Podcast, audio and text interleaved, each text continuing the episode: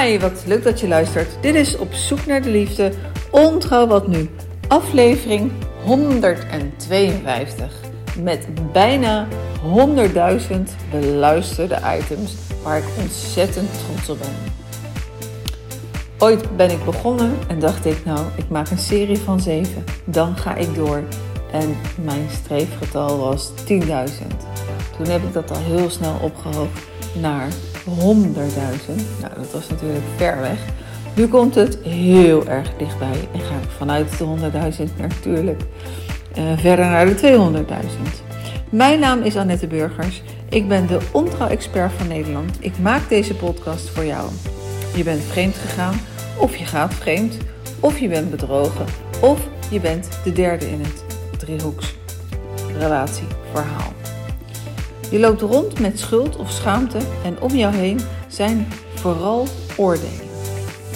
Elke aflevering een ander aspect van deze driehoeksrelaties. Vandaag een heel bijzondere. Vandaag ben ik in Villa Pinedo in Utrecht met drie jonge dames die zich zometeen zelf gaan voorstellen. En die alle drie werkzaam zijn als vrijwilligster in een mooie Villa Pinedo. Voordat ik begin wil ik je alvast wijzen op mijn gratis aan te vragen e-book om jezelf weer op de rit te zetten en schuld en schaamte op te ruimen. Stuur een mail naar info@youtubecoaching.nl. YouTube schrijf je met J-U-T-T-U. En dan ontvang je mijn gratis e-book zo snel als mogelijk. Wil jij weten wat ik voor jou kan betekenen? Kijk dan naar mijn aanbod op mijn website of stuur een mail met je vraag info@youtubecoaching.nl. In mijn praktijk is in Den Haag, maar je kan sowieso live naar Den Haag komen of online vanuit Nederland, overal en zelfs natuurlijk vanuit alle plekken in de wereld. Dan ga ik nu over naar het voorstellen van deze drie jonge dames. Roos, Villa Pinedo, wat doe je precies en wat is het? Um, Villa Pinedo is een stichting um, voor kinderen met gescheiden ouders door kinderen met gescheiden ouders. En uh, bij Villa Pinedo ben ik vrijwilliger als buddy en uh, ben ik ook spreker voor groepen ouders. Dankjewel. Emma, wat doe jij? Ik doe precies hetzelfde. Dus zowel in de chat kinderen helpen en ook op het forum, maar daarnaast ook voor groepen ouders staan om hen te adviseren. Dankjewel. Isabelle, doe jij ook precies hetzelfde? Precies hetzelfde, inderdaad. En uh, hoe was dat bij jou, Isabel? Werd je op een dag wakker en dacht je van, ja, vandaag uh, ga ik eens Villa Pinedo bellen? Nee, zo is het eigenlijk niet gegaan. Het was eigenlijk, uh, met corona stak thuis. En uh, ja, toen zette ik de tv aan. En toen zag ik een commercial voorbij komen. En toen dacht ik, dit is wel wat voor mij. Ja, zo ben ik eigenlijk bij gekomen. Heb ik me aangemeld en toen trainingen gevolgd. Mm -hmm. Oké, okay, dus nu was er van de week iemand en die had een heel goede post op LinkedIn over gescheiden ouders. Dat dat eigenlijk een hele rare kreet is. Uh, een hele rare naam, want als ouders scheiden, of ouders kan je eigenlijk helemaal niet scheiden, want je, je blijft ten alle tijden ouders. Dus daar hebben we wat te reframen, uh, wat werk te doen om die kreet helemaal te veranderen. Maar voor nu hebben we het nog even over gescheiden ouders, want ik heb geen ander woord ervoor. Zo 1, 2, 3 heel erg snel. het gaat over ontrouw vandaag. En als ik het goed begrepen heb, dan hebben jullie als kind te maken gehad dat een van de ouders vreemd is gegaan en alle gevolgen in jullie gezin ervaren. Ik wil uh, gewoon het rijtje afgaan en uh, de verhalen delen. Wie van jullie wil beginnen? Emma? Prima. Oké, okay, Emma, wat is jouw verhaal? Ik was elf jaar, geloof ik. En mijn ouders leken altijd een heel goede relatie te hebben. Maar toen op een zaterdagmiddag werden we op de bank geroepen. En ik was zelfs een grapje aan het maken. Uh, omdat zij zeiden, we moeten iets vertellen. En ik zag het zo niet aankomen dat ik daadwerkelijk vroeg: oh, gaan jullie scheiden of zo? Dat bleek dus zo te zijn. Uh, ik vond het heel moeilijk in het begin en ik was vooral ook heel boos op mijn vader. Omdat ik altijd ook het idee had dat hij degene was die niet meer wilde. En dat had je dat idee gelijk al? Ja, ze, er werd wel gezegd door mijn ouders dat het een gezamenlijke beslissing was, maar dat voelde al vanaf het begin niet zo. En daarnaast is mijn vader heel snel toen doorgegaan met een andere partner. En werd ook al snel duidelijk dat dat al tijdens de relatie met mijn ouders speelde. En ze hebben bewust ook niet heel veel verteld over hoe het precies gegaan is. Ook om het een beetje weg te houden van ons. Maar door de jaren heen, het is inmiddels ruim tien jaar geleden, weet ik wel wat meer. Heb ik meer wat puzzelstukjes bij elkaar kunnen leggen. Uh, dus zo is dat een beetje gegaan. Mhm. Volgens mij is er iemand in de tuin ergens hier in de buurt aan het werk. Volgens mij ook, ja. Uh, en maar jij vertelde, uh, we werden op de bank geroepen en uh, ze zeiden dat het een gezamenlijke beslissing was. maar ergens voelde je aan dat dat niet zo was. en als je iets voelt, dan is dat toch wel op basis van iets dat je ziet of dat je ervaart. Wat zag jij, wat merkte jij? Merkte jij iets aan je moeder? Merkte je wat aan je vader? Hoe, hoe had jij jouw uh, voelsprietjes staan? Ik merkte vooral veel verdriet bij mijn moeder. En wat woede ook. Ook omdat we vlak daarvoor op vakantie waren geweest in Frankrijk. Toen wist zij het al, maar mijn broertje en ik, ik heb een broertje van 2,5 jaar jonger, uh, die wisten dat toen nog niet. Maar zij was de hele vakantie aan het huilen. En uh, vaak gingen mijn ouders ook naar de buren om daar gewoon te praten. En wij snapten niet zo goed, mijn broertje en ik, waarom dat was. Uh, maar toen ik dit hoorde, dat ze dus uit elkaar gingen, toen vielen voor mij gelijk heel erg veel puzzelstukjes op hun plek. En bij mijn vader zag ik al juist een bepaalde afstand van de hele situatie. Uh, alsof hij eigenlijk al graag verder wilde gaan naar het volgende hoofdstuk. Moet je nagaan, hè? toen was je nog maar een meisje van elf, wat je dan eigenlijk wel allemaal signaleert. Zeker, ja, juist ook als kind. En ja, dat vaak ook wel uh, niet duidelijk is misschien voor ouders. Dat kinderen veel meer opvangen, veel meer doorhebben dan dat je misschien zou denken als ouder. Hmm. Ben jij voor je moeder gaan zorgen? Ja, heel erg. Ja, omdat zij natuurlijk veel verdrietiger was. En mijn vader had ook niet zoveel zorg nodig, omdat hij al iemand had. En ik was heel boos op hem. Dus zorgen lukte ook niet zo goed. Als ik het ook al überhaupt had gewild. Uh, maar ja, ik heb wel het idee dat ik daarna me heel verantwoordelijk voelde. En nog steeds voel voor het geluk van mijn moeder. Hmm.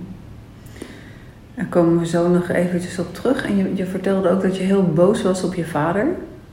Hoe heeft die boosheid zich geuit? Heb je hem uh, een tijd lang uit je leven geweerd? Of hoe, hoe zag dat, uh, hoe ging dat bij jou?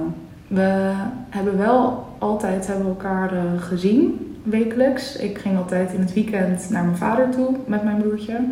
Ook omdat ik het wel belangrijk vond om hem te blijven zien. En een deel van mij wist denk ik ook al dat het uiteindelijk iets was tussen mijn ouders en niet iets naar mij en mijn broertje. Maar wat ik vooral heel erg dacht die eerste paar jaren was dat hij niet alleen wegging van mij, maar ook bewust koos om weg te gaan van mijn broertje en mij daarom was ik heel boos. En dat uitte zich in gewoon misschien ook een beetje puberale ruzies en uh, onaardig zijn. Niet mijn nieuwe stiefmoeder accepteren.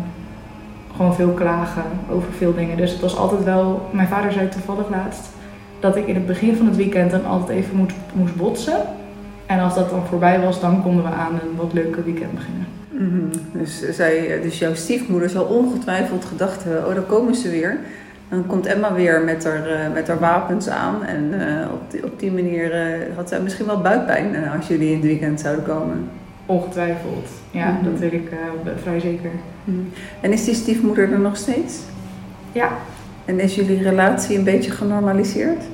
Ja, het is wel genormaliseerd. Ik um, heb haar ook gewoon geaccepteerd. Dat deed ik eerst ook niet. En toch is er altijd nog een klein component van mij, gewoon echt dat kindgedeelte, wat baalt dat ze er is. En misschien ook juist omdat ze zo vroeg al uh, in mijn leven kwam. Want bij alle partners die mijn moeder heeft gehad sindsdien, was ik juist heel erg accepterend. Vond ik het heel leuk voor haar. Maar bij haar zal het altijd moeilijk blijven met mijn stiefmoeder. Mm, misschien geef je de onbewuste schuld uh, van de hele situatie thuis. Dat zou heel goed kunnen, ja. Mm -hmm. We gaan het straks nog even hebben over dat stukje van voor je moeder zorgen. Gaan we eerst even naar de andere toe. Roos, wat is jouw verhaal? Wil je dat vertellen? Ja, uh, wij zijn eh, toen ik acht was naar het buitenland vertrokken. omdat mijn vader werkte daar en Um, het, het, ging al niet zo heel goed tussen mijn ouders. Dus het was een soort van als oplossing dat we dan met hem mee zouden verhuizen naar het buitenland. Maar um, na een jaar zijn we toch weer terug verhuisd alleen met onze moeder. En het was, echt, was niet echt besproken zoals Emma vertelde dat we, dat ze dan bij elkaar werden geroepen. Maar het ging een beetje geleidelijk dat dan als mijn vader in Nederland was, mijn moeder dan uit huis ging. Um, en nou, dat, dat, dat was dan gewoon zo.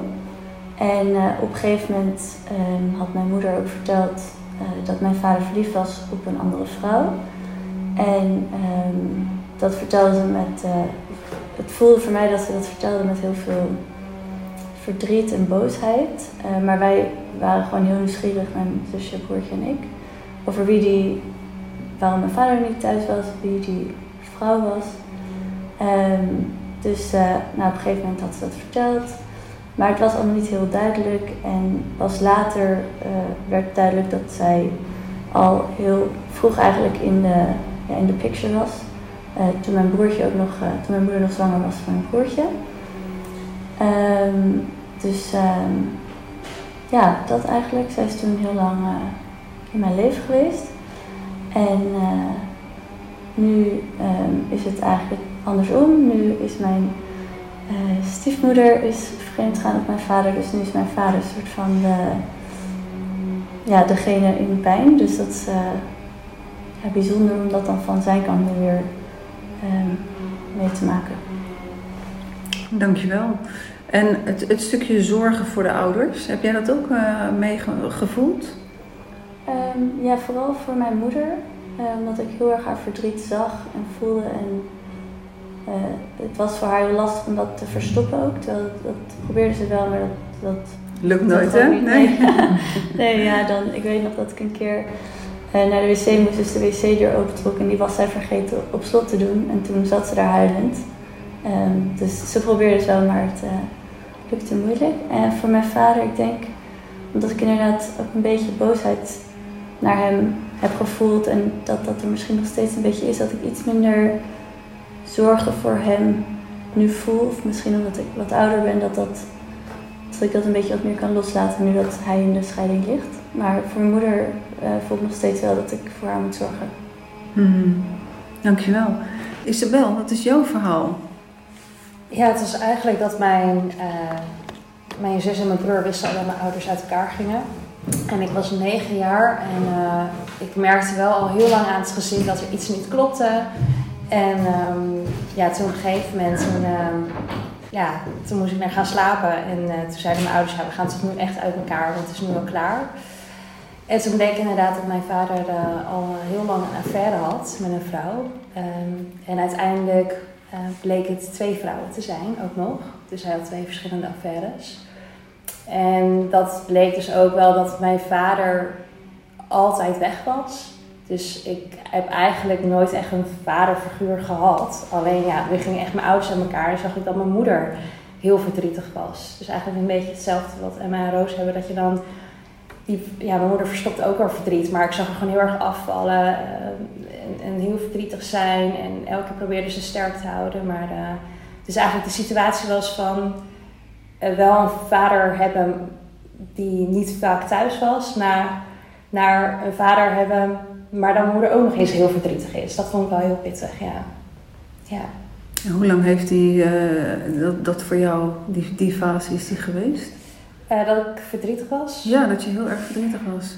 Um, voornamelijk, um, eerst was het meer dat ik naar mijn moeder, van, ik wist niet echt wat er gebeurde, dus dat ik inderdaad de zorg uh, naar mijn moeder wilde, aan mijn moeder wilde geven. En toen op een gegeven moment, toen ik merkte dat ik wel naar mijn vader. Um, nou, het was eigenlijk zo, mijn vader ging heel erg vechten voor mij, om mij ook te zien.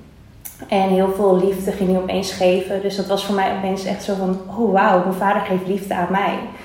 Ehm, maar als ik daar was, dan was hij eigenlijk helemaal niet zo leuk. Uh, helemaal geen fijne vader. Dus ik werd heel erg bang ook voor hem. En toen kwam ik in een situatie dat um, ja, ik niet meer wilde of durfde. En dat daar niemand mij in geloofde. Dus er ging het verdriet van naar mijn moeder zorgen. Ging opeens van ik heb hulp nodig nu. En toen ging juist mijn moeder weer mij helpen. Maar de rest om ons heen weer niet. Dus het was een uh, hele complexe ervaring eigenlijk. Ja. Mm. Nou, hoe is de relatie tussen je moeder en jou nu? Goed, maar het is ook een tijdje minder geweest. En dat was voornamelijk dat ik op een gegeven moment um, me wel zo heb gedragen. Um, het, leek eigenlijk of ik een soort van in dienst was van mijn moeder. En het is niet dat mijn moeder dat had opgelegd, maar ik heb het zelf gedaan. Ik heb zelf heel erg van, oh, ik moet altijd voor zorgen dat mijn moeder goed gaat. En toen werd mijn broer heel erg ziek. Oh, dan moet ik ervoor zorgen dat mijn broer uh, uh, die aandacht krijgt, maar ook mijn moeder. En ik, ik was eigenlijk constant met mijn familie bezig. En um, ik zorgde dan maar dat ik vrij was van mijn werk. Of ik had toen ook ontslag genomen omdat ik zo voor thuis wilde zorgen. Terwijl ik wel ook mijn eigen leven moet opbouwen. En toen ik op een gegeven moment dat omslagpunt ging maken, ging ik ook veranderen. Dus daardoor toen werd het een beetje van, huh, wie ben jij? En, um, Heb je daar wel hulp bij gehad? Um, ja, ja, ik had sowieso al... Uh, ik heb nu echt wel acht jaar lang dezelfde psycholoog. Ja, mm. dus die heb ik zelf gewoon contact opgezocht en uh, stap voor stap hebben we alles wat doorgenomen. En die zei dat ook, dit gaat waarschijnlijk wel gebeuren. Maar nu zijn we echt uh, twee handen op één buik, mijn moeder en ik. Dus, heb je het je moeder kwalijk genomen dat jij voor haar bent gaan zorgen of dat zij daarin aan jou hing? Um, nee, eigenlijk niet. Um, nog steeds niet. Ik heb ook echt zelf geen spijt van de keuze die ik zelf heb gemaakt.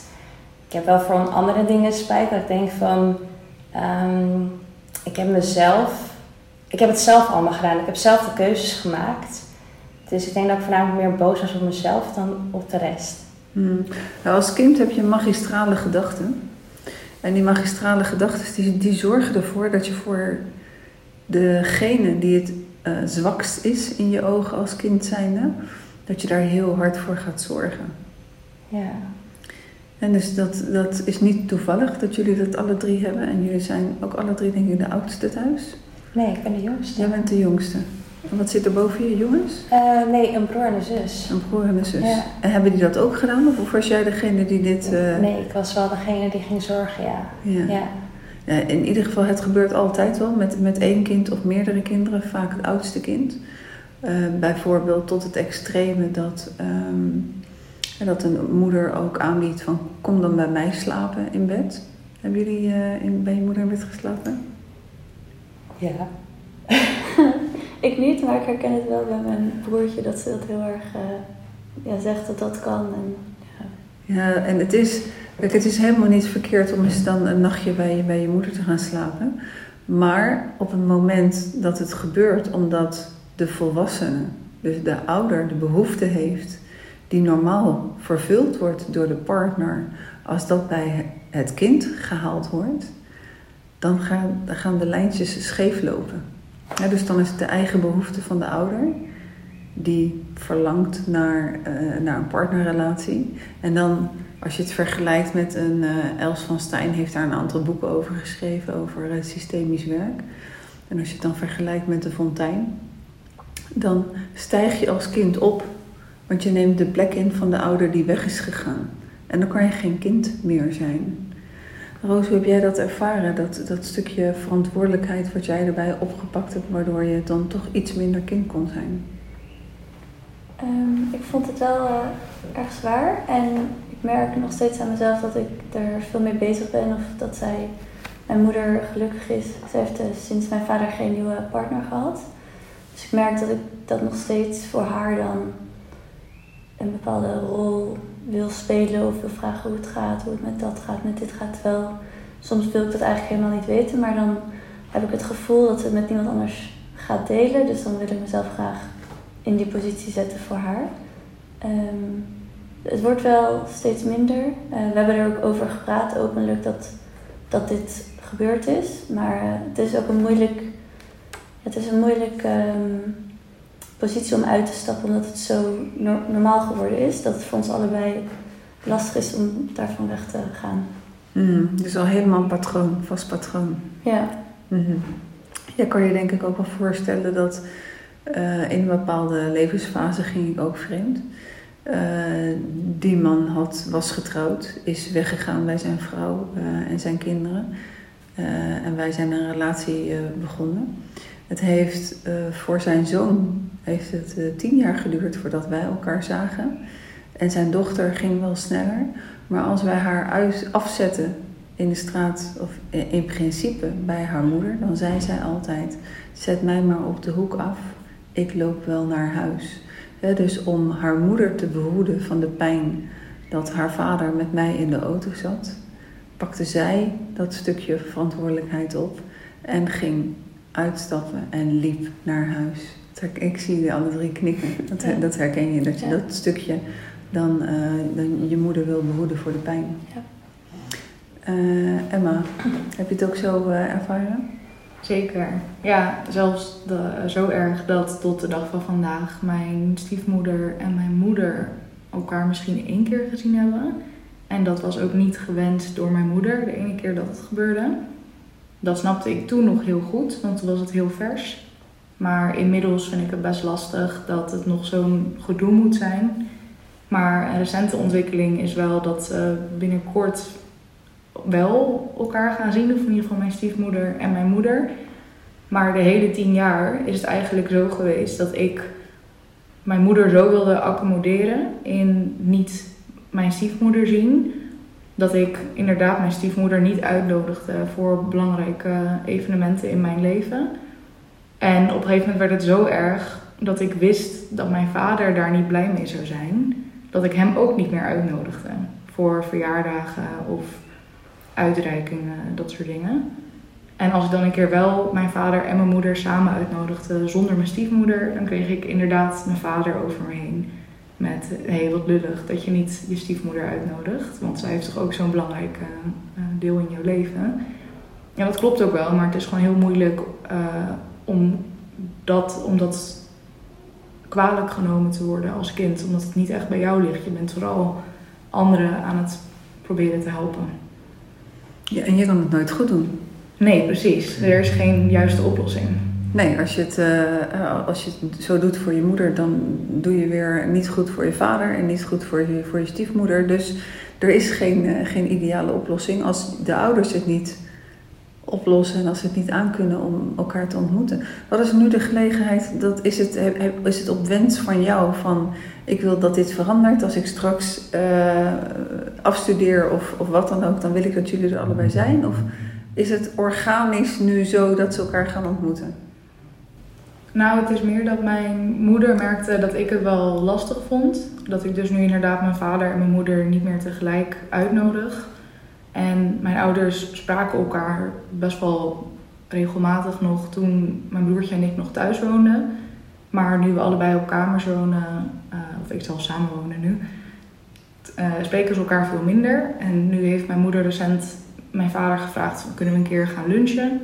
En toen is dit ter sprake gekomen en hebben zijn ze samen tot de conclusie gekomen dat het misschien beter is voor mijn broertje en mij als het een keer wel gaat gebeuren.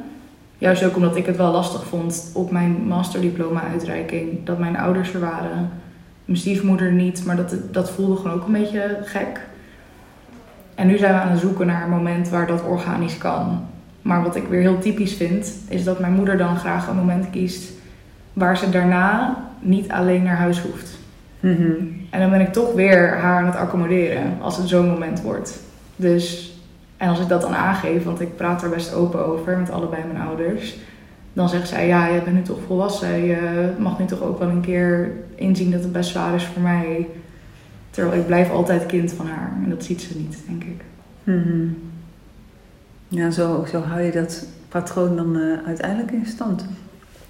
Isabelle, uh, bellen er veel kinderen met, uh, met ditzelfde probleem? Kom je dat vaak tegen bij Villa? Um, nee, ik heb best wel een paar keer um, een buddy gehad die hetzelfde probleem heeft, inderdaad. Maar ook, ik geef ook uh, les op scholen. En dan merk ik ook wel dat heel veel kinderen wel met dat ze eigenlijk ook niet meer echt kind kunnen zijn. Dat ze al best wel verantwoording nemen. En dan, dan zit je in groep 4. Dan geef ik daar les en denk ik van... Oh, maar jullie mogen nog best wel een beetje speels blijven. Maar al zo volwassen. En dan denk ik, was ik dat dan ook? En misschien beleef ik het natuurlijk niet weer anders. Maar... En dan ga ik terugdenken en denk ja, ik was ook inderdaad wel dat ik uh, thuis ging koken. Op een negende stond ik wat koken. Uh, voor het gezin boodschappen doen. En dat is eigenlijk niet normaal, terwijl ik het wel als normaal zag. Mm. Ja. En welke tips geef je dan aan, uh, aan de kinderen die jij spreekt of als je les geeft? Ja, eigenlijk verschilt het wel erg, maar ik ga gewoon eigenlijk eerst vragen hoe het gewoon gaat en hoe het thuis gaat. Um, maar vaak zitten die kinderen uh, nog in de situatie dat ze net, dat de ouders net uit elkaar gaan. Dus dan weer in dat, of een rechtszaakproces nog. En ik zeg eigenlijk altijd blijf dicht bij jezelf. En daar ga ik altijd verder op borduren van hoe een kind daarop reageert. Um, maar ook echt kind zien. Ik denk dat dat het allerbelangrijkste is. En dat ze altijd bij je terecht kunnen. Wat heb jij gemist in die hele procedure voor jezelf toen? Um, dat iemand mij zag. Dat heb ik gemist. En eigenlijk waren mensen omheen best wel van... oh, wat goed dat jouw kind al kookt en zulke dingen. Dat ik dacht van, nee, dat is niet goed. Het was eigenlijk... Dat besefte je toen al? Nee, toen niet. Hmm, ik dacht, oh ja, iemand vindt me eindelijk goed, dat ik iets goed doe, weet je wel. Maar het, het is niet goed dat ik al de boodschappen doe en dat ik uh, voor mijn broer zorg toen hij heel erg ziek was. Dat is niet... Ja, heel eventjes is het goed, maar ik moet ook buiten spelen en dat deed ik niet meer. Nee, dus er is eigenlijk een groot stuk jeugd van je afgenomen. Ja, eigenlijk wel, ja. Mm-hmm. ja. En dat besef ik nog steeds niet, maar um, ik denk dat er wel een stukje is wat ik gemist heb. Dat ik soms nog wel heel graag met kinderen ben. Dat ik denk van misschien is het dat stukje wat ik zo heb gemist, dat ik daar nog heel graag bij ben. Ik ben nog heel speels op heel veel heel, heel graag meespelen. Ja, een soort van wel, ja. Dat ik soms denk, oh, ik wil niet met die grote volwassenen gaan, maar, maar ja, ja. Ja, ja, ja, Ja. dat is een, eh, een, een logische verklaring. Ja, misschien wel. Ja. Wat heeft het met je gedaan in jouw eh, kijk op de wereld en kijk op relaties? Nou, ik heb zelf nog nooit een relatie gehad. Ehm, ik heb niet echt het idee dat ik geen vertrouwen heb in iemand. Ehm, maar er is kennelijk wel iets, als een jongen dichtbij komt, dan blokkeer ik echt aan alle kanten. En dan ren ik eigenlijk het liefst weg. Terwijl er eigenlijk geen aanleiding voor was. En ehm, dat is wel jammer, want er waren heel veel jongens die echt heel leuk waren. Maar eigenlijk heb ik er dan een soort van zo sabotagespel van gemaakt dat het niet meer leuk was. Hmm. Ja. En dat, dat, ik denk dat dat wel te maken heeft met wat er gebeurd is, ja. Ja, en ik, denk ook voornamelijk wel dat ik alweer verder denk, dat ik denk van, ja, maar als ik samen ben, ik wil het wel goed hebben voor mijn kind later. Stel dat ik een kindje mag ontvangen hier, dat ik dat dan, dat ik een goede papa geef of zo. Misschien is dat het heel erg, dat ik echt meer kijk van, oké, het moet een goede vader zijn. En niet eens dat we bij elkaar blijven, maar het moet goed voor het kind zijn. Hmm. Ik ben al best wel daarmee bezig, ja. Heb je wel mannelijke vrienden? Dat je kan wel. het in vriendschap wel? Ja, in vriendschap wel. Daar ben ik dan wel weer goed in. Ja, ja, ja. Maar echt, dan kan je soort van denken van, nou ja, tot hier en niet verder. Ja. Misschien ontstaat er eens een keer iets uit vanuit die vriendschap, dan een mooie aanvliegroute. Ja, dat is ook niet altijd goed gegaan. Nee, want ik ben daardoor ook wel weer af en toe vrienden verloren. Die dan juist dachten van, oh, er is wat aan te ontstaan. En toen dacht ik, eh, nou, Dat gaan we niet doen. nee. En bij sommigen hebben we dan gezegd van, nou ja, hier is, ik wil liever gewoon vrienden blijven. Want dan weet ik dat het goed blijft gaan. Ja, het is heel stom. Ja. Sta- eh, Geeft jouw lichaam echt een signaal? Gaat het op slot op het moment dat, eh, dat, iemand, Ja. dat een man dichterbij komt? ja, echt aanvallen. Ja, ja. Waar voel je dat in je lichaam dan? Gewoon heel mijn lichaam gaat gewoon shaken en trillen. En dat ik denk, oké, is het een signaal dat die man niet goed voor mij is? Of is het gewoon dat ik iets heel eng vind? Ja, Onveiligheid. ja terwijl er totaal geen aanleiding is of was. Nee. En zo werkt het, hè? Ja, maar ik vind het wel heel jammer eigenlijk. Omdat, je, omdat ik het ook wel heel graag wil. Je wilt die verbondenheid wel eens een keer met iemand voelen. Maar dan moet ik wel eerst mezelf ergens zien te vinden of zelfverbondenheid ergens voelen. Dus ik vind dat wel heel jammer. Mhm. Hey, maar je hebt nog steeds hulp. Ja, ja, ja. Ik ben ervan overtuigd dat je het ergens gaat leren. Ik hoop het zo. Ja, zeker weten. Zeker weten. Roos, hoe is het voor jou? Je kijkt op relaties, is dat ten eerste? Ehm, ja, het is niet heel positief. Eh, het begon natuurlijk bij mijn ouders, maar misschien omdat mijn focus erop ligt, maar ik zie heel veel relaties die kapot gaan omdat er is vreemd gegaan.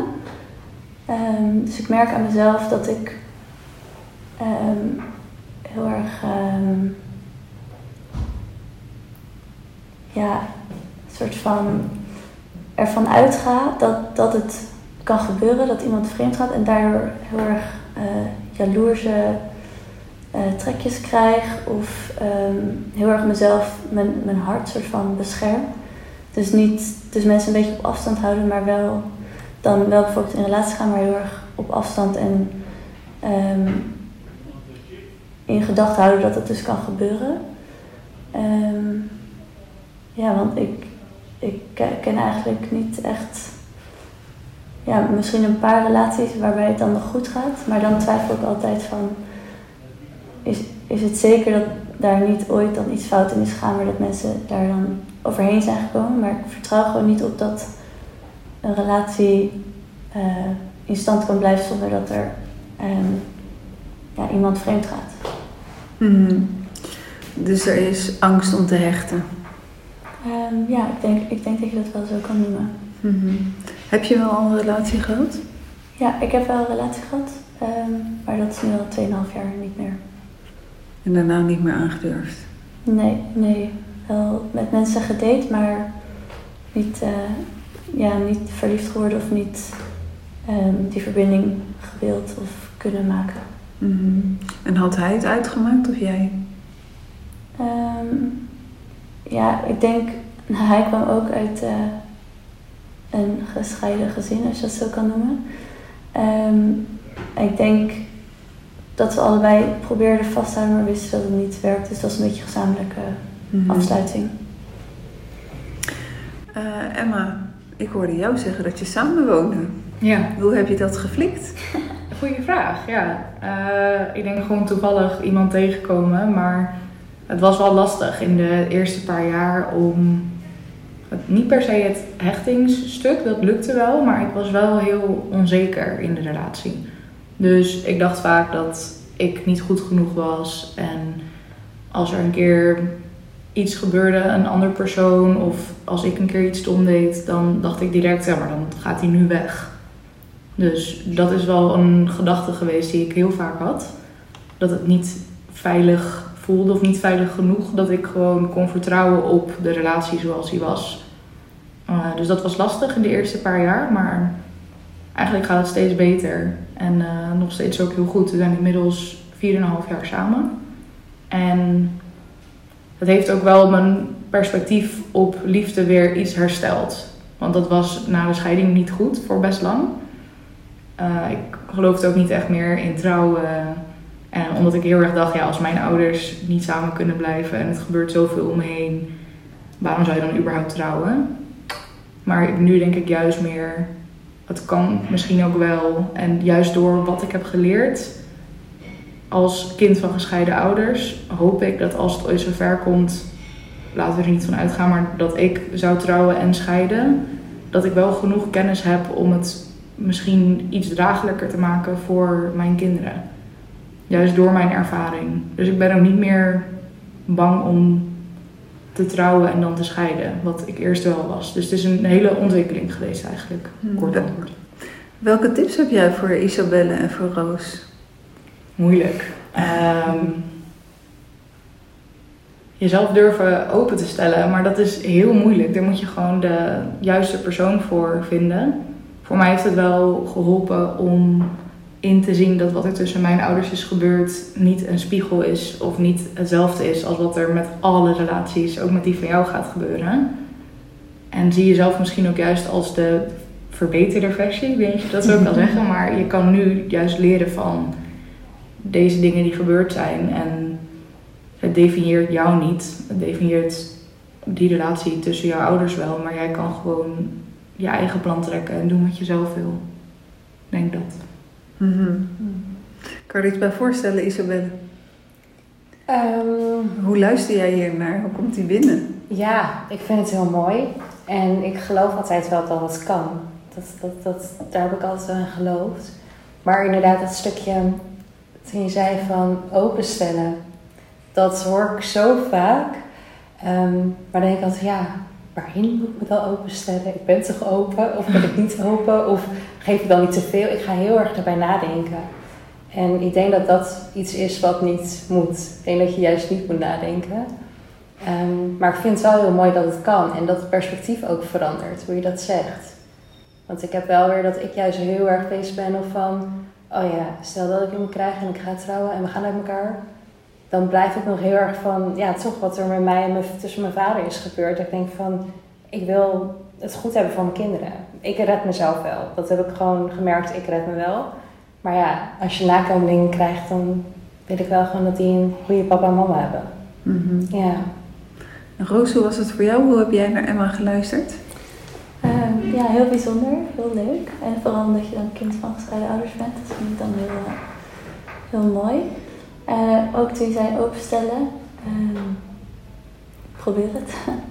Ehm, maar eh, ik moest toen denken aan, dat, of wat in me opkwam, was... ehm, ik, ben, ik merk dat ik bang ben voor de pijn die er nog niet eens is, maar voor de pijn die dan komt als je, voor als het misschien uitgaat. Dat dat mij heel erg tegenhoudt, denk ik. Ehm, maar eh, ja, het lijkt me wel heel fijn ja, wat je hebt. Dat is eigenlijk een beetje de angst voor de angst, hè? De, de, de angst voor de pijn. Ja. Het, is, het is er Ja. nog niet, maar de angst daarvoor. Ja. Nu is het zo dat, eh, eh, dat je eigenlijk nergens leert lessen hier, hierin te krijgen. Ja, dat is eh, uiteindelijk je thuis, dat is je eerste school van de liefde.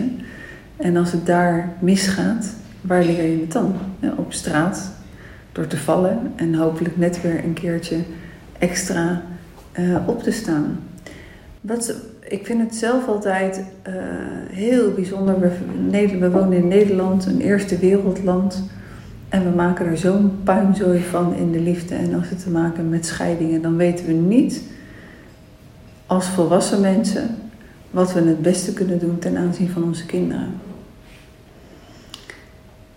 Nu zijn jullie geen minister van het ministerie van de liefde. Het ministerie van de liefde bestaat nog niet eens. Maar met jullie ervaringen. En je zou minister zijn van het ministerie van de liefde. Ik, ik spreek het heel langzaam uit, want je voelt natuurlijk al waar de vraag heen gaat. Ik kan er al zo'n een beetje over nadenken. Eh, Dus als je op het ministerie van de liefde zou komen te werken als minister. Ja, wat zou je dan veranderen? Wat zou je veranderen als je zou kunnen met ouders? En wat zou je veranderen als het zou kunnen op school? Of wat zou je, wat zou je, wat zou je willen doen? En ten eerste, je zou misschien Villa Pineda heel groot maken. Maar wa- wat, wat, jullie, jullie zitten hier met een missie. Je, je, bent, je hebt je aangemeld, je, stopt hier tijd in. Wat zou je willen doen? Roos, mag met jou beginnen. Ehm, ja, misschien eh, een beetje kinderachtig of ehm, vanuit heel erg kindsperspectief. Maar ik dacht altijd, als, als ouders dan, of als mensen dan gaan trouwen, dan eh, moeten ze iets ondertekenen, maar daar moet dan ook iets bij staan over dat als je gaat scheiden, dat je dat dan goed doet of dat je van tevoren een soort cursus krijgt of zo. Ehm, want voor mij, ik zie trouwen nog steeds niet als, eh, ik wil nog steeds niet trouwen ooit. Maar als iets wat mensen gewoon zomaar doen zonder dat ze er echt bij nadenken wat de consequenties zijn. Ehm, en ik denk vooral op scholen ehm, voor kinderen dat daar meer eh, bewustzijn voor is. Ik denk dat dat heel fijn zou zijn voor de kinderen. Ehm, verder voor ouders weet ik niet zo goed wat er gedaan kan worden. Maar ik denk wat ik als kind heel erg gemist heb is eh, iemand die erkende dat, dat dat gaande was. Of dat op school ik met andere kinderen die ook gescheiden ouders hadden, dat we dan samen erover konden praten. Zoals wat wij nu hier doen op Villa een- een- Roos, een, vervolgvraag. Als je het hebt over school. Kwamen jouw ouders samen naar school op de rapportavond? Eh, nee, dat was. eh, nee. eigenlijk nooit. En mijn moeder ging altijd. En mijn vader had altijd werk, was druk. Dus die vroeg ik ook nooit. Dus het was altijd gewoon mijn moeder. Mhm.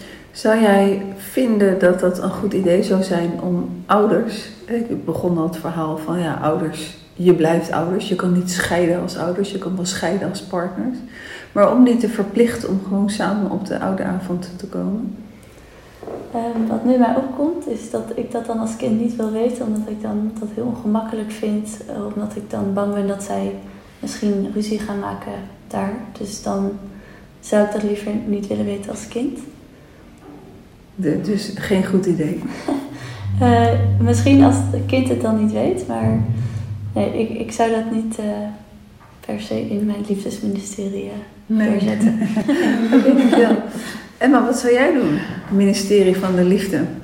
Ja, ik vind het een moeilijke vraag, omdat elke situatie best anders is. En als ouders gewoon echt enorme ruzie hebben, dan weet ik niet of het wenselijk is om hen te verplichten om samen dingen te doen, juist ook voor het kind. Misschien kan je wel gewoon inderdaad op scholen al zorgen dat het bespreekbaar is. En dat je het misschien deel laat zijn van een bepaalde maatschappijleerles of bij biologie, weet niet of het past, maar dat je er meer over vertelt over wat er kan gebeuren. En dat het ook best normaal is. Jammer genoeg. Maar er moet gewoon denk ik wat meer over voorgelicht worden. En wat Roos al zei over dat je misschien iets ondertekent. Of in ieder geval je bewust bent als je gaat trouwen of als je kinderen neemt wat voor gevolgen dat heeft als jij je relatie wil beëindigen. Want ik ben niet anti-scheiden, absoluut niet. Maar het moet wel op zo'n manier gebeuren dat het kind er oké uitkomt. En ja, het is lastig om dat dan echt uit mijn liefdesministerie op een goede manier te doen. Want elke scheiding is lastig. Je hebt geen perfecte scheiding. Maar meer voorlichting en bewustzijn bij ouders creëren, dat zou wel mijn, mijn doel zou dat zijn. Mm ik moet heel eerlijk zeggen dat ik was afgelopen weekend met mijn kinderen. Uh, mijn zoon is 34 en mijn dochter is 31. Uh, en ze hebben allebei een dochtertje. De een van 18 maanden en de andere van 8 maanden. En die van 18 maanden liep op dat park. En de eerste twee woordjes die ze spreekt is mama, papa. En het is elke keer als, als ze mama ziet, dan is het maar mama en papa. En dat ziet ze zo bij elkaar dat ik dacht van uh, hartverscheurend. En het slaat nergens op dat ik dat op dat moment aan het denken was. Maar uh, hartverscheurend dat je als kind zo die woordjes samen leert. Van mama en papa zijn samen. Dat dat dan ergens ook uit elkaar gaat.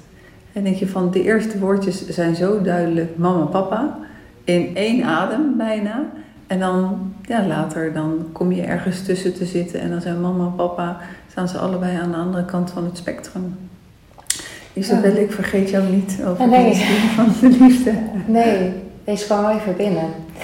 Um, nou ja, ik denk dat voor, ik zou er meer betekenis aan liefde, wat, wat het nou eigenlijk betekent. Um, want inderdaad, ik ben ook niet echt tegenscheiden. Uh, want voor de ene is het gewoon hartstikke goed. Um, ook gun je soms een ander misschien meer. Weet je, als ik een relatie zou hebben en mijn ontwikkeling gaat verder dan de ander en we houden elkaar daarin tegen, dan hoop ik juist dat we elkaar vrijlaten. Maar dat vanuit liefde. Um, maar de betekenis van liefde, daar ben ik juist nog heel erg naar op zoek. Dat ik soms denk van, weten we wel echt wat dat betekent? Want ik weet nog wel, toen, ik heb wel ooit eens een keer één jongen een soort van gehad. Um, maar dat was puur omdat iedereen zei, overal waar ik kwam, oh, heb je nog geen vriendje? Dus toen dacht ik, nou, dan neem ik maar de eerste en beste. Maar uiteindelijk zat ik wel met iemand die helemaal niet goed voor mij was. En heel lang nog gestalkt werd. En dat ik denk van, ik heb nu dus gewoon iemand gekozen om aan de buitenwereld maar te laten zien dat ik iemand heb. En het is dat ik echt goede vriendinnen omheen had. Dat ze zeiden, maar hier moet je mee kappen. Um, maar dat ging wel ten koste van mezelf. Maar ik dacht wel, ja, maar ik heb wel iemand. Dus en daarna ben ik juist heel erg van, ja, maar wat betekent liefde nou voor mij? Wat, is, wat, wat zit daar nou in? Maar dat leer je eigenlijk ook nergens. Het is gewoon, ja, je hoort een partner of zo te hebben. Ja, dus ik zou dat er meer in gooien. Betekenis van de liefde. Mm het is ingewikkeld, hè? De betekenis van de liefde. Want die leerschool is thuis. Dat is, dat is je eerste leerschool. En daarna leer je de rest op straat. Er is geen instituut van de liefde waar je de liefdeslessen leert. Ja, behalve als je vastloopt en dan kom je bij mijn collega's of bij mij terecht. En dan moet je ook gaan leren communiceren als je verdriet hebt. En leren communiceren als je boos bent. En dat is ook voor heel veel mensen ontzettend moeilijk. Wat. Maar eigenlijk mag ik. Ja, je ga je gang. Eigenlijk is het zo jammer, want bijvoorbeeld we gaan altijd wel naar een sportschool. Althans, ik ga naar de sportschool en eh, heel veel om zichzelf te trainen. Maar de mentale gezondheid en ook zoiets van leren hoe je met iets om moet gaan, dat doen we eigenlijk pas te laat. Precies. En dat is eigenlijk dat ik denk van waarom is sporten wel normaal, maar ik ga bijvoorbeeld nog steeds naar mijn psycholoog, ook al gaat het steeds beter met me op heel veel vlakken. Maar toch heb ik altijd van dit blijf ik doen en dit zal ik altijd blijven doen, omdat het voor mij gewoon heel veel inzichten geeft. En ik word heel vaak van, maar waarom ga je nog? En dan denk ik, ja, ik ga ook naar de sportschool toch? Want ik wil niet dat stukje van, oh, weer, je bent te laat. ja, Ik vind dat het, zo jammer eigenlijk. het, het onderhoud en het. eh, Ja. dus als je eh, een- dag je tanden niet poetst, dan is het niet zo erg. Als je een week je tanden niet poetst. Nou ja, ik moet er niet aan denken, maar dan is het dus ook niet zo erg. Nee. Maar als je dat een paar maanden niet doet, dan vallen er gaten in. En zo is het natuurlijk ook met je psyche. En eh, ja, als je dat niet onderhoudt, dan loop je vandaag of morgen, als er iets misgaat, dan, eh, dan heb je de pop aan het dansen. Ehm, hebben jullie wel eens een brief geschreven aan, aan een van je eigen ouders om te vertellen van, zo heb ik het beleefd? Ik ehm, heb een eh, Facebook berichtje naar mijn vader gestuurd en ik heb al vanaf mijn elfde geen contact meer met hem. Ehm, eigenlijk om verklaren, een verklaring te krijgen. Maar ik wilde hem gewoon wel in een bericht hebben. En hij wilde me heel graag zien, maar daar was ik gewoon niet, klaar voor. Ehm, maar naar mijn moeder heb ik het bijvoorbeeld nooit gedaan, omdat ik altijd bij haar ben gebleven. Nee. Terwijl, je haar, ja, terwijl ik haar eigenlijk misschien ook juist wat dingen wil vertellen. Hmm. Ja. En is dat bij het ene berichtje gebleven met je vader? Of? Ja, ja, ik zou er nog op antwoorden, maar eigenlijk heb ik dat nooit meer gedaan. En ik heb er ook niet echt behoefte aan. En ik dacht eerst, moet ik dat uitleggen? En toen dacht ik, nou, ik heb er eigenlijk nu eventjes geen eh, zin in. Nou, heb ik het ook niet gedaan. Dat, dat, ja. Misschien ooit nog. Misschien ooit, maar het antwoord wat ik kreeg was meteen alweer dat hij alleen maar weer aan zichzelf dacht. En toen dacht ik, ja, heb ik hier zin in? Ik heb al moeite met een, nieuwe relatie opbouwen met iemand. En ga ik nu weer met iemand een relatie opbouwen? Want ik zag ook foto's van hem op Facebook en dacht, ik ken hem helemaal niet. Het was een vreemde man. Maar daar moet ik, stel dat ik contact met hem ga maken, ehm, dan moet ik ook weer iets opbouwen, maar ook iets herstellen. Want je hebt wel een verleden samen. En ik gun mezelf eigenlijk nu een liefde. En daar wil ik energie en tijd aan besteden. Dus ik denk dat dat misschien meer mij van, oké, stop maar even weg. Hmm. En als die morgen voor je deur staat, doe je open of laat je hem staan? Ik laat hem staan, denk ik. Omdat ik nog steeds heel erg heb van, ik gun mezelf, ik ben nu 26, ik gun mezelf nu heel erg het geluk in een, mijn eigen liefde. Hmm. En wat zou je in de brief aan je moeder schrijven? Oeh. Ja, ik denk dat ik wel zou zeggen dat ik het heel sterk vind. Want we stonden net met gezin op straat. En hoe zij ervoor gezorgd heeft dat we wel weer een dak boven ons hoofd hadden. Alleen het gezin was gewoon wel uit elkaar gevallen. Omdat je gewoon mijn zus en mijn broer ja, allemaal verschillende karakters kreeg. En dat was voor mijn moeder best wel pittig ook. Maar daarin zou ik ook wel zeggen dat ik me ook wel heel eenzaam heb gevoeld. Dus ik zou ook wel een stukje van hoe ik me toen gevoeld heb nog wel willen vertellen. Maar ja, ik heb nu ook heel erg dat ik denk van, ik ben hier nu zo, het gaat nu zo goed tussen ons. Dus ik vind het eigenlijk ook wel gewoon fijn om het in het hier en nu nog te houden. En wie weet komt er ooit een dag, maar het is nu wel gewoon goed zo. Dankjewel. Emma, wie van de twee zou jij schrijven? Je vader of je moeder? En wat zou je schrijven? Ik denk inmiddels mijn moeder. Omdat zij net na de scheiding nog best wel zich bewust was van de last die ze soms kon geven qua zorg voor haar aan mij en mijn broertje. Dus als hij dan verdrietig was, want volgens mij zei Roos dat al eerder, over dat je dan je moeder huilend tegenkomt. Dat had ik ook. Maar mijn moeder zei dan altijd heel duidelijk: Ja, ik ben verdrietig, maar ik kan het zelf. En ik ben er zelf verantwoordelijk voor.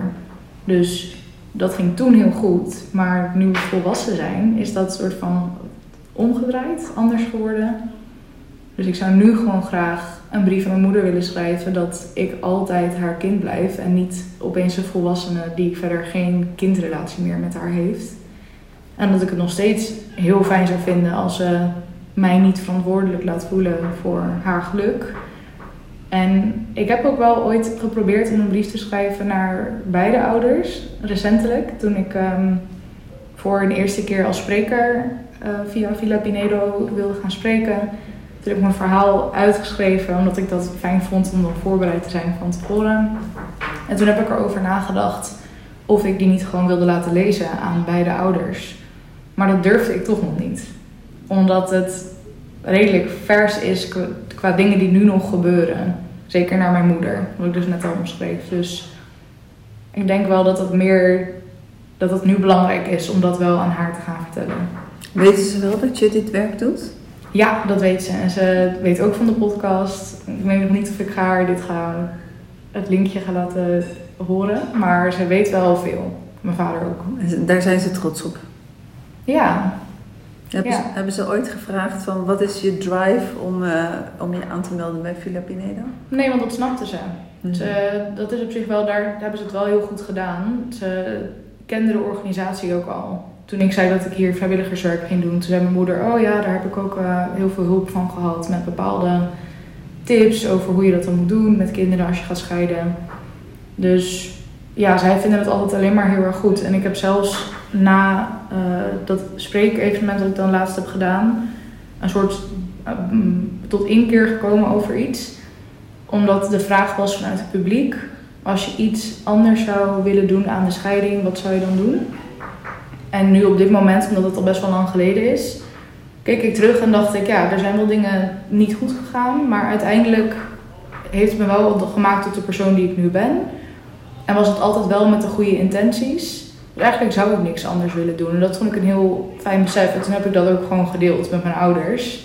Waar zij toen ook heel blij mee waren, omdat het toch iets is waar zij dan zich dan ook nog wel soms zorgen over kunnen maken. Over de, de impact die het heeft op mij en mijn broertje. Dus in dat opzicht wordt er goed gecommuniceerd. En het klopt hè, wat je zegt van alles wat er in je rugzak zit, waar je niet eh, om gewenst hebt en wat ook niet op je verlanglijstje stond om over te leren. Het, het geeft je wel iets. Het geeft je kennis, het geeft je wijsheid. Ehm, ik heb dat zelf ook mogen ervaren. Zeker ook met mijn kinderen, wat zij mij niet allemaal geleerd hebben. Waarvan ik echt niet wilde dat ik daar een cursus over zou moeten volgen, bij wijze van spreken. Maar het maakt je wel wie je bent. Roos, wie zou jij gaan schrijven? Ja, ik zat eh, na te denken. Je hebt de langste Ik- tijd ja. gehad om na te denken. Maar eh, ik vind het een hele moeilijke vraag. Ehm, ik denk, nou het liefst met de intentie van zo'n brief is dan te, te delen wat, wat jij dan als kind hebt meegemaakt. En ehm, ik dacht gelijk eerst aan mijn vader, omdat ik heb dat mijn moeder een groot inlevingsvermogen heeft en wel weet dat het heel verdrietig en moeilijk was. Eh, en mijn vader heeft dat wat minder, dus daarom zou ik het liever aan hem schrijven. Maar aan de andere kant ook weer niet, omdat het dan toch niet binnenkomt. Dus dan voelt het een beetje als een soort afwijzing. Dus dan eigenlijk wat Isabelle zei, vond ik wel mooi.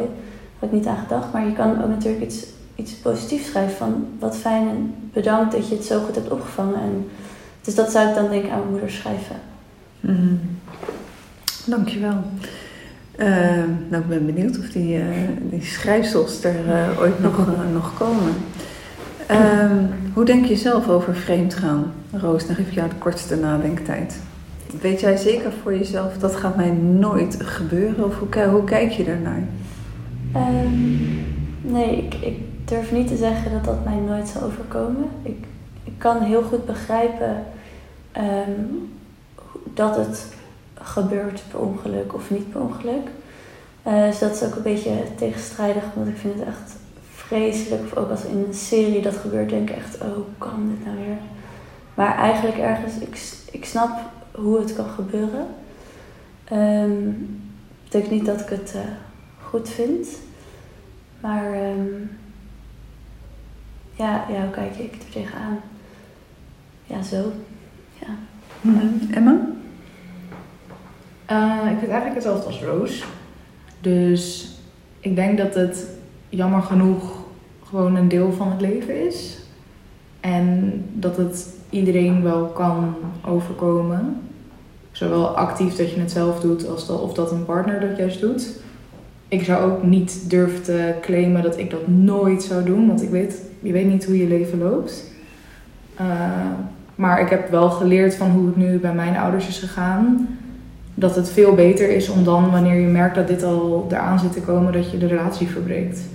Want dat lijkt mij gewoon de weg die het minste pijn oplevert. Maar ja, je weet nooit wat er gebeurt. Dus het is erg moeilijk. Ja, het is een lastige relatie die ik heb wegens vreemdgaan. Mm -hmm. Dankjewel, Isabelle. Ja. Nu heb jij de langste ja, tijd gehad. de langste tijd gehad. Um, ja, je weet inderdaad nooit. Uh, het sluit me helemaal bij aan van wat je gaat doen in, je, in, de toekomst. Maar ik hoop dat ik wel zo'n relatie heb met degene dat, uh, of met mijn partner, dat je over alles kan praten. Dus dat je, als je de behoefte hebt, dat je misschien niet meer, dat je eigenlijk een uitweg aan het zoeken bent, dat je het daar ook al over kan hebben. Um, en ik hoop, stel dat dat dan niet vanuit de band komt, dat ik zelf gewoon heb van oké, het is niet goed, ik heb het gevoel dat ik nu wil vluchten dat ik dan zelf inderdaad al voor die tijd al een stopper aangeef. Um, en ik hoop dat mijn partner dat, als ik een partner in de toekomst heb, hetzelfde heeft. Dat je daar heel erg open over kan zijn. Dus ik geloof wel dat het kan hoor. Uh, niet vreemd gaan. Um, maar ja, ik weet ik, ik vind het gewoon heel lastig eigenlijk. Maar misschien ook omdat er zoveel druk ook op komt te staan op relaties. Ja. ja, dat is ook mijn ervaring. Hè? Dat, er, uh, uh, dat mensen ook natuurlijk, als je trouw belooft, dan wordt dat natuurlijk ook van je verwacht. Als je geen trouw wil geven, dan moet je het ook niet beloven. Je kan natuurlijk iets beloven waarvan je ingehaald wordt door de werkelijkheid. Uh, maar ergens is een begin. Dus als ik kijk naar de koppels die bij mij in de praktijk komen, dan is er een moment geweest waarop de een of de ander toegankelijk was voor contact met iemand buiten de relatie. En dan leer ik mijn koppels om op dat moment het gesprek met elkaar aan te gaan. En al is dat moeilijk, maar het is wel te doen. De meeste mensen doen het niet uit angst voor afwijzing en uit angst voor om je partner te kwetsen. Dus dan gaan ze het niet aan. Uh, ik heb het vanochtend toevallig ook nog uh, gezegd. Uh, dan, gaan ze de, dan gaan ze niet aan. En uh, dan nemen ze eigenlijk al de afslag. Omdat ze dan met iemand in contact komen. Maar er is een split second waar je die keuze nog hebt. Ga je in dat contact zonder je partner te vertellen? Of doe je dat niet? En als je het wel kan, als je de kunst hebt en zo'n goede relatie dat je het durft te vertellen, dan wordt het een we-verhaal. Hoe gaan we hiermee om? Wat zegt dit over onze relatie? En bijvoorbeeld, uh, het komt helaas heel vaak wel voor dat een seksuele relatie niet goed is. En dan durven mensen daar niet over te praten. Als je daar niet over praat, als je al 14 jaar geen seks hebt met elkaar en je bent daar ontevreden over, ja, dan is dat één poot van de kruk van een relatie. Ik heb het altijd over, het zijn vier poten. Het is uh, organisatorisch, het is communicatie, het is intimiteit en seksualiteit. Maar als die seksualiteit al helemaal wegvalt, dan heb je nog een krukje met vier poten. Hoe lang kan je daarop blijven zitten? En in feite valt dan de communicatie ook weg, want je durft er ook niet over te praten. Dan heeft je kruk nog maar twee poten. Hoe lang kan je daarop blijven zitten? Dus als je in staat bent om daarover te praten, dan, uh, dan scheelt dat. Hebben jullie nog een vraag aan elkaar? elkaar uh, jullie kenden elkaar niet, je hebt elkaar nu een beetje horen praten. Is er nog een vraag die jullie elkaar zouden willen stellen, nu de microfoons toch openstaan? hoe kijken jullie nu zelf naar de komende paar jaar en jullie band met relaties aangaan? Oh, Isabelle. Ehm, ja, in, in liefdesrelatie bedoel je dat dan? Want, ja. Want een relatie met vriendschap vind ik ook wel een relatie. Ehm, maar echt een partnerrelatie, ja. ehm, ik hoop gewoon dat ik mezelf, dat ik ruimte durf te nemen om mezelf te kunnen laten zien aan iemand. En ehm, ja, die communicatie, eigenlijk eh, wat je zei Annette, met eh, dat je open durft te zijn, over alles durft te praten. Want ik geloof altijd wel dat er meerdere liefdes rondlopen voor iemand. En misschien omdat ik daar ook wel heel erg in geloof, durf ik misschien ook een band niet aan te gaan. En ik hoop eigenlijk dat ik iemand gewoon vind waarmee ik zo goed kan connecten. En zo open kan zijn dat ik over alles kan hebben. En dat ik zelf dan uiteindelijk niet bang ben dat iemand wegloopt van me. En als het wel gebeurt, dan eh, hoop ik, dan moet ik eigenlijk gewoon voor mezelf weten dat ik sterk genoeg ben. En dan heeft hij de pech, hè? Ja, Dus jij bent gewoon ja. de hoofdprijs. Ja, ja, eigenlijk. En ja, dat is zo jammer dat ik daar dus nog niet zo zelfverzekerd in ben. Dat Maar ik zie het wel, jij bent gewoon de hoofdprijs. Ja, ja heel stom. En met minder moet je niet genoegen nemen. Hè? Dus als iemand jou de hoofdprijs niet vindt en jij vindt iemand anders niet de hoofdprijs, je moet geen genoegen nemen met de poedelprijs. Nee, dat is waar. Nou, dat is dus, ik ga voor de hoofdprijs. Ja. Hmm, Dat geldt ook voor jou, Roos, maar wil je antwoord geven op, eh, op Emma? Ehm, ja, ik, ik hoop, eh, ik denk eh, dat ik zelf communicatie, dat, nou, dat, dat zei je net ook al, maar dat is gewoon een heel groot onderdeel waar ik zelf ook nog tijd in kan investeren om zelf beter in te worden. En ik hoop ook gewoon wat, ehm, ja, wat zelfbewuster te worden over hoe ik dan ehm, ja, liefdesrelaties aanga en dat ik me ja, probeer open te stellen en niet gelijk over de slechte dingen nadenk. Maar eh, ja, het is allemaal een proces natuurlijk. Heb jij hoop? Ja, ik heb hulp. Ja, ehm, eh, ja. Oké.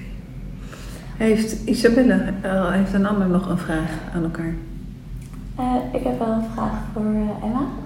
Ehm, in het begin van jouw relatie, die van nu 4,5 jaar, had je, vond je dat toen lastig om echt eh, ervoor te gaan of te committen? Of was je bang voor eh, misschien als het uit zou gaan? Of hoe was dat voor jou om zoiets aan te gaan? Ja, precies wat jij zegt. Het was heel moeilijk in het begin om echt te geloven dat dit daadwerkelijk iets lange termijn zou kunnen zijn. Dus die onzekerheid die daarmee gepaard ging, was wel echt lastig. Eh, omdat ik inderdaad dacht, ja, maar hoezo zou ik nou goed genoeg zijn? En wat nou als jij ook weggaat? Want mijn vader ging ook weg. Ehm, maar ja, met de tijd gaat dat op zich wel. En wat mij ook heel erg hielp daarin trouwens, is bedenken dat bang zijn dat iemand weggaat, dat zorgt ervoor dat je je nu al vervelend gaat voelen over iets wat misschien gaat gebeuren. Terwijl het op dat moment heel leuk is, was en nog steeds is. Dus dat heeft mij toen best wel geholpen om daar overheen te komen. Om in te zien dat je beter maar kan genieten van het moment dat het er nog is. En als het een keer dan misgaat, kan je altijd nog verdrietig zijn op dat moment. Dank je. Maar gaf je jezelf dan elke keer een reminder van, oké, ik moet nu genieten? Nee, ik heb denk ik ook gewoon met hem besproken. Dus dat is ook nog wat ik echt iedereen zou aanraden om gewoon die communicatie, dat moet je gewoon oefenen. Want het is echt moeilijk om je gevoelens te uiten. Maar als je dan het gaat doen, dan valt het toch allemaal best mee uiteindelijk. En dan merk je dat het ook gewoon, mits de goede persoon goed ontvangen wordt. En dan kan je samen inderdaad, wordt het een we-verhaal van oké, waar komt dit dan vandaan en hoe kunnen we zorgen dat dit niet ten koste gaat van de relatie. Dat we gewoon er samen aan gaan werken. Dus communicatie heeft eh, daar ook heel erg in geholpen. Eh, Wat heeft jouw vriend eh, waardoor jij het gedurfd hebt? Welke eigenschappen heeft hij? Wat heeft hij gewoon ontzettend goed gedaan? Hij is psycholoog. Oh. nou, wij weten waar we Ja. moeten kijken. heeft hij ook nog twee broers die ook psycholoog zijn toevallig rondgelopen? twee zusjes, wat ook Ah. weer denk ik ook best handig is. Maar ja, Ja, maar ik bedoel voor deze dames, hè? Oh, zo, ja, zo toch. Wel leuke vrienden. Leuke vrienden. Hele praktijk. Die ook eh, voor psycholoog hebben Ja. geleerd. Nee, jammer genoeg niet. Dat zijn al wel weer veel vrouwen. Nee, maar hij is dus gewoon heel goed in communiceren en in compassie tonen. Dus daar heb ik gewoon heel veel geluk mee. Hmm. Nou, hartstikke mooi. We gaan eh, richting het afsluiten. Welke vraag heb ik nog niet gesteld aan jou per persoon en waar je toch nog graag antwoord op geven? Jullie zijn uitgenodigd, eh, dan krijg je een beeld van, oh, ik word geïnterviewd, het gaat over de liefde, het gaat over relaties, het gaat over scheiden, het gaat over ontrouw. Nou, wat wil ik daar eigenlijk nog over zeggen? Heb ik iets gemist, Isabel? Voor mij niet. Nee. Nee. Nee? Emma? En ik hoop dat je heel volledig bent geweest. Dankjewel. Roos? Ik heb nog wel een vraag, als dat mag, voor, voor jou als Ja? eh, psycholoog ook, toch? Nee, ik ben geen psycholoog. Nee, nee. Hoe, wat ben je dan? Ik ben relatietherapeut. Relatietherapeut. Hoe, hoe zou je zeggen tegen, of hoe eh, ad- zou je adviseren aan mensen om om te gaan met ontrouw? Als ze dat ervaren in hun relatie? Ja, heel veel. En eh, ik zou sowieso eh, of bij een van mijn collega's of eh, naar mij komen om het te laten begeleiden. Je hebt natuurlijk de keus. En de eerste keuze is, hoe gaan we hiermee om? Hou ik nog van mijn partner? En houdt die partner nog van, van ook van de partner? Als er nog genoeg liefde is, dan is het zeker te herstellen. En zeker als je kinderen hebt. Ik had maandagavond had ik een eh, kennismakingsgesprek met een koppel. Eh, het was nog allemaal heel erg vers. Eh, heel veel verdriet, heel veel pijn. Eh, naar deze situatie wilde de vrouw toch het onderzoek aangaan. Kunnen we dit herstellen met z'n tweeën? En ja, daar maak ik altijd niet letterlijk, maar figuurlijk maak ik daar een hele grote buiging voor. Dat je dat onderzoek aan durft te gaan, dat je je kwetsbaar opstelt. Ze had ook een schaduwkant aan zichzelf eh, ontdekt, die ze helemaal niet leuk vond. Maar ja, eh, in hetzelfde dorp eh, ging ze toch naar de winkels toe. Dat was allemaal niet fijn. Maar om het onderzoek te doen, als er nog liefde is, kunnen we nog verder. En dan maak ik gelukkig wel in mijn praktijk mee dat mensen zelfs weer verliefd op elkaar kunnen worden. En dan is het bijna zo dat ze zeggen: Ik ga het niet doen, maar ik zou bijna een bosje bloemen brengen bij degene met wie hij of zij is vreemd gegaan. Want het heeft onze relatie op, eh, twee, op level 2.0 gebracht. Omdat er nu wel ineens met elkaar gesproken werd. Omdat er nu, als je kinderen hebt eh, en je hebt drie kinderen, was dat nou bij jou? Of bij jou? En dan heb je ook een beetje als ouders de familie-BV. Het ene kind moet daarheen, het andere kind moet daarheen. Ja, dan kom je tijd tekort om goed met elkaar om te gaan. En de quality time, de basis, die moet er dan wel zo goed in zitten. Ehm, nee, maar als je dat onderzoek wil aangaan, dan, want je hebt kinderen, ja, dan maak ik altijd een grote buiging. En dan kan het alsnog zo zijn eh, dat het er niet meer in zit. Dus als je eigenlijk al eh, je relatie vier jaar, zes jaar, acht jaar, veertien jaar verwaarloosd hebt, dan is het keihard werken. Dan is het ja, heel af en toe nog mogelijk, maar dan komt er wel wat, eh, wat, wat meer bij kijken. Maar als je dat onderzoek doet, in die eerste periode, want er zijn kinderen en dan kan je uiteindelijk kiezen voor route A. Ja, we kunnen het herstellen en we gaan werken ook aan onze verbetering van onze relatie. Of route B, we gaan liefdevol uit elkaar. En wat het belangrijkste is daarin, is het stukje ook uiteindelijk van wat is van de ouders en wat is van de kinderen. En van de kinderen is niks. Eh, Dus, eh, maar jij zei toen straks een stukje, en dan is eigenlijk ook de boodschap aan je moeder. Jij bent mijn moeder, ik ben jouw kind. Wat van jou is, is van jou. Ik heb een stukje van je gedragen, maar dat geef ik aan je terug. En wat van mij is, is van mij. Op die manier. Mooi. Heel mooi. Mooi. Heb je nog een allerlaatste tip of gaan we hem hiermee eindigen? Isabel? Nee, Voor ouders die, die luisteren, die toevallig luisteren. Nou, niet toevallig luisteren, want er zijn bij mij heel veel volgers die eh, te maken hebben met ontrouw. Dus stel iemand luistert, die heeft een gezin en gaat vreemd. Wat wil je diegene dan zeggen vanuit je hart? Wees gewoon vanaf het begin al eerlijk. En hou het niet voor jezelf. Ehm, want dat heeft bij ons schade aangebracht. Mhm. Ja. Dankjewel. Emma? Ja, aansluitend op Isabelle, trek aan de bel bij je partner. Want dat is bij mijn ouders volgens mij ook verkeerd gegaan dat er niet over gepraat werd. En daardoor was mijn vader al veel verder in het afscheidsproces en mijn moeder wilde er nog heel erg aan werken.